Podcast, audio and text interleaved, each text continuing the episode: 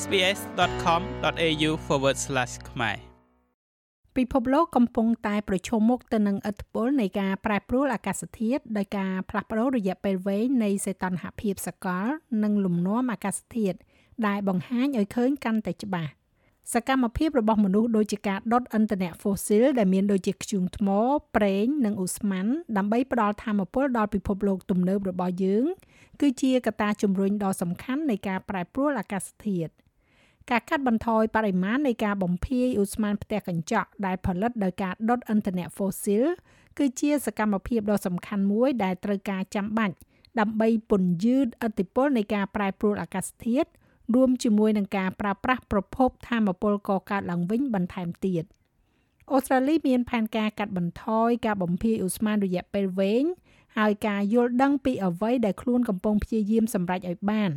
អាចផ្ដល់អំណាចដល់មនុស្សគ្រប់រូបរាប់ចាប់ពីបុគ្គលរហូតដល់ក្រុមគ្រួសារនិងអាជីវកម្មដើម្បីធ្វើការឆ្ពោះទៅរកការដាក់កម្រិតការឡើងកម្ដៅភពផែនដី និងការប្រែប្រួលអាកាសធាតុ ការដុតឥន្ធនៈហ្វូស៊ីលបញ្ចេញនៅកាបូនឌីអុកស៊ីតដ៏ច្រើនសន្ធឹកសន្ធាប់និងអូស្ម័នផ្ទះកញ្ចក់ផ្សេងទៀតចូលទៅក្នុងបរិយាកាសនេះគឺជាលទ្ធផលនាំឲ្យសីតុណ្ហភាពពិភពលោកឡើងកម្ដៅព្រោះការបង្កើតឧស្ម័នផ្ទះកញ្ចក់នៅក្នុងបរិយាកាសរបស់ផែនដីទាញកម្ដៅពីព្រះអាទិត្យកាន់តែច្រើនការប្រែប្រួលអាកាសធាតុមានន័យច្រើនជាងការដែលគ្រាន់តែឡើងកម្ដៅភពផែនដី ផែនដីគឺជាប្រព័ន្ធដ៏ស្មុគស្មាញមួយហើយផលវិបាកនៃការប្រែប្រួលអាកាសធាតុក៏រួមបញ្ចូលទាំងការកើនឡើងនៃភាពធ្ងន់ធ្ងរនៃគ្រោះរាំងស្ងួតអគ្គិភ័យទឹកជំនន់និងខ្យល់ព្យុះ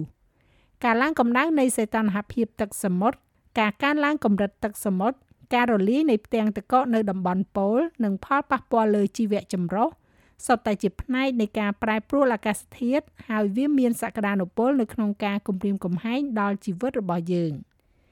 ការកាត់បន្ថយផលប៉ះពាល់នៃការប្រែប្រួលអាកាសធាតុពាក់ព័ន្ធទៅនឹងការកាត់បន្ថយបរិមាណនៃការបំភាយអូស្ម័នផ្ទះកញ្ចក់និងការផ្លាស់ប្ដូរពីការប្រើប្រាស់ឥន្ធនៈហ្វូស៊ីលទៅជាប្រភពថាមពលកកើតឡើងវិញ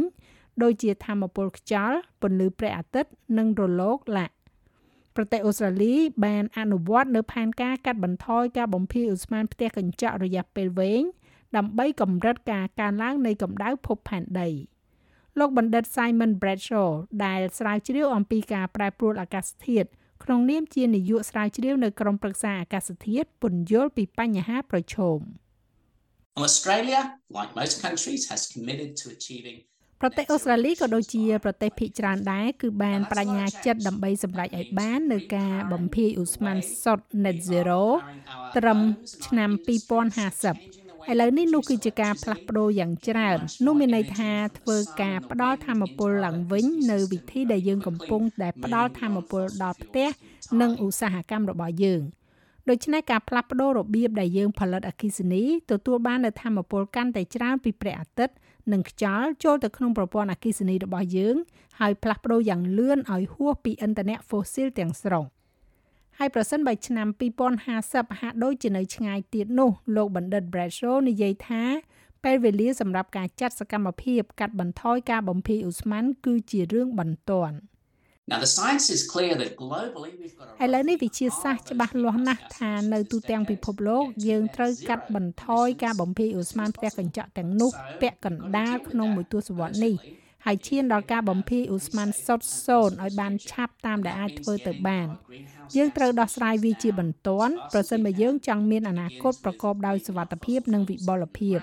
ហើយនោះមានន័យថាការបំភាយឧស្ម័នផ្ទះកញ្ចក់របស់យើងត្រូវធ្លាក់ចុះឲ្យបានលឿនតាមដែលយើងអាចធ្វើបាន ដែលចាប់ផ្ដើមដោយការទុកឥន្ធនៈហ្វូស៊ីលរបស់យើងនៅក្នុងដីរដ្ឋាភិបាលអូស្ត្រាលីបានណែនាំច្បាប់ស្ដីពីការប្រែប្រួលអាកាសធាតុក្នុងឆ្នាំ2022 ដែលបង្ហាញពីគោលដៅកាត់បន្ថយការបំភាយឧស្ម័នផ្ទះកញ្ចក់របស់ប្រទេសអូស្ត្រាលី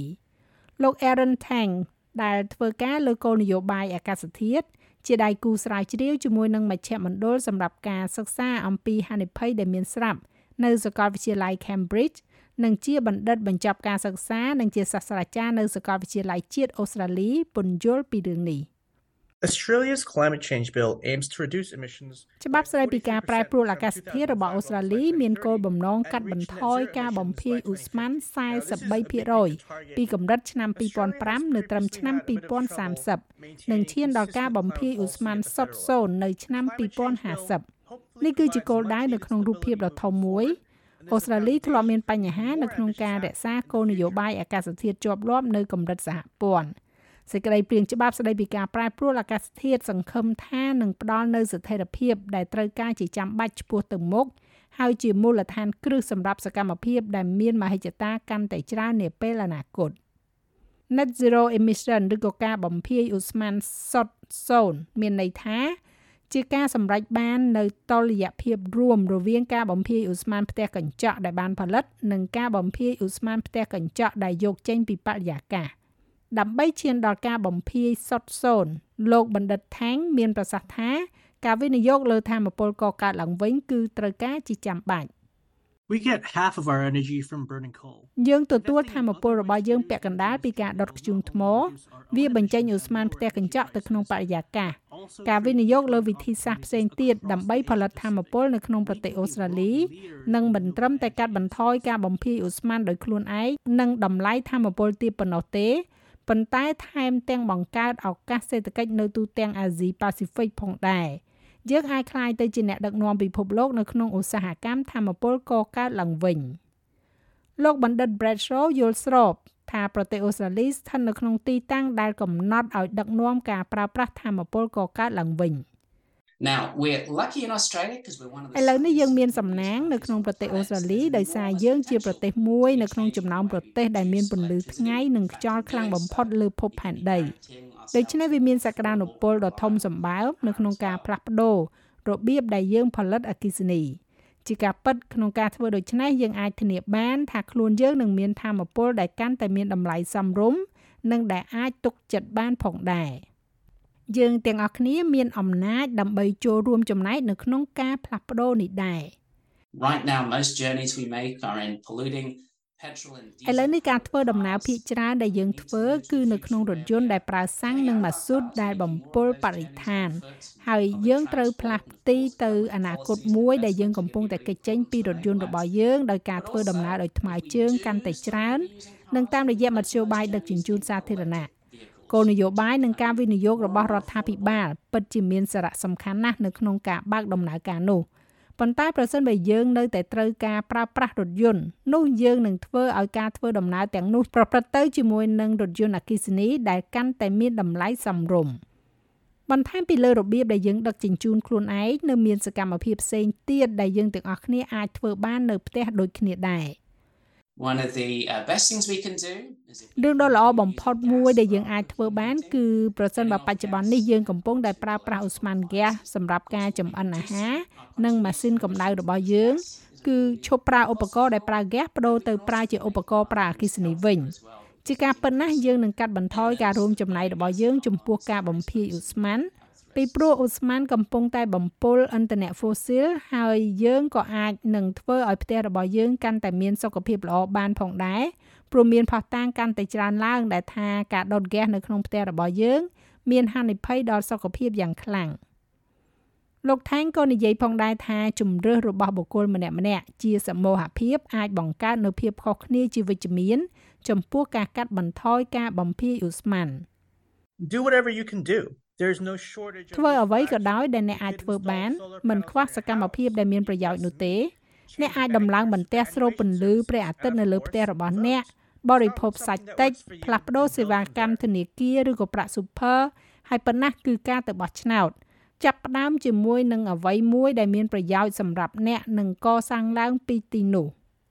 ទស្សនវិជ្ជាផ្សេងទៀតនៃការបំភាយឧស្ម័ន net zero គឺសម្លឹងមើលលើរបៀបលុបបំបាត់ការបញ្ចេញឧស្ម័នផ្ទះកញ្ចក់ចេញពីបរិយាកាស something that isn't yet widely discussed អ្វីមួយដែលមិនទាន់ត្រូវបានគេពិភាក្សាយ៉ាងទូលំទូលាយនៅឡើយនោះគឺតម្រូវការដើម្បីយកឧស្ម័នផ្ទះកញ្ចក់ចេញពីបរិយាកាសមិនមែនគ្រាន់តែបញ្ឈប់ការបំភាយរបស់វានោះទេយើងគ្រាន់តែដាក់ច្រើនពេកនៅក្នុងបរិយាកាសដើម្បីបញ្ឈប់ការបញ្ចេញចោលតែប៉ុណ្ណោះ ដោយគ្មានសមត្ថភាពគ្រប់គ្រាន់នៅក្នុងការយកវាចេញ ការឈានដល់ net zero គឺពិបាកជាងឆ្ងាយណាស់លោកបណ្ឌិត Bradshaw មានប្រសាសន៍ថាការអភិរក្សនិងការពារជីវៈចម្រុះរបស់ពិភពលោក គឺជារឿងសំខាន់ផងដែរព្រោះវាគឺជាផ្នែកមួយនៃប្រព័ន្ធទ្រទ្រង់ជីវិតរបស់ភពផែនដី We need to be protecting យើងត្រូវតែការពារប្រព័ន្ធអេកូឡូស៊ីព្រៃឈើដ៏មានតម្លៃនិងបរិស្ថានដ៏អស្ចារ្យផ្សេងទៀតនៅជុំវិញប្រទេសអូស្ត្រាលី ដែលមានសារៈសំខាន់ខ្លាំងណាស់នៅក្នុងការរក្សាបាននៅអាកាសធាតុដែលមានសុវត្ថិភាព និងអាចរស់នៅបានសម្រាប់យើងទាំងអស់គ្នានិងការពារជីវៈចម្រុះនិងអ្វីអ្វីគ្រប់យ៉ាងដែលចាំបាច់ដំណើររបស់អូស្ត្រាលីទៅកាន់ការកាត់បន្ថយការបំភាយឧស្ម័ននិងប្រឈមទៅនឹងការលំបាកក៏ប៉ុន្តែនៅមានសង្ឃឹម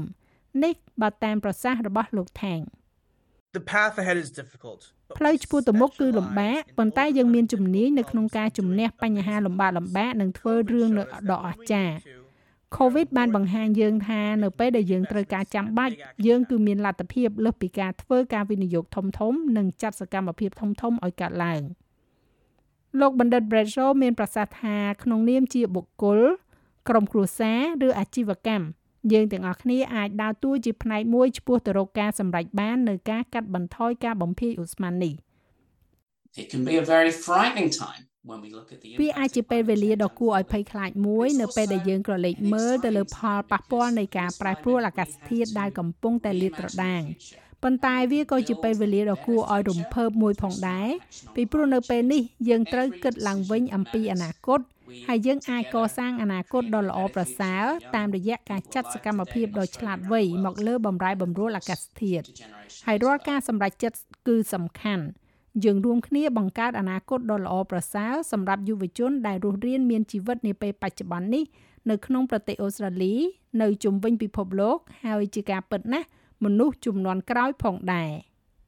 ចាស់ហើយរបាយការណ៍នេះចងក្រងឡើងដោយ Phil Tusak និងប្រាយសម្រួលសម្រាប់ការផ្សាយរបស់ SBS ខ្មែរដោយនាងខ្ញុំហៃសុផារ៉ានីចុច like share comment និង follow SBS ខ្មែរនៅលើ Facebook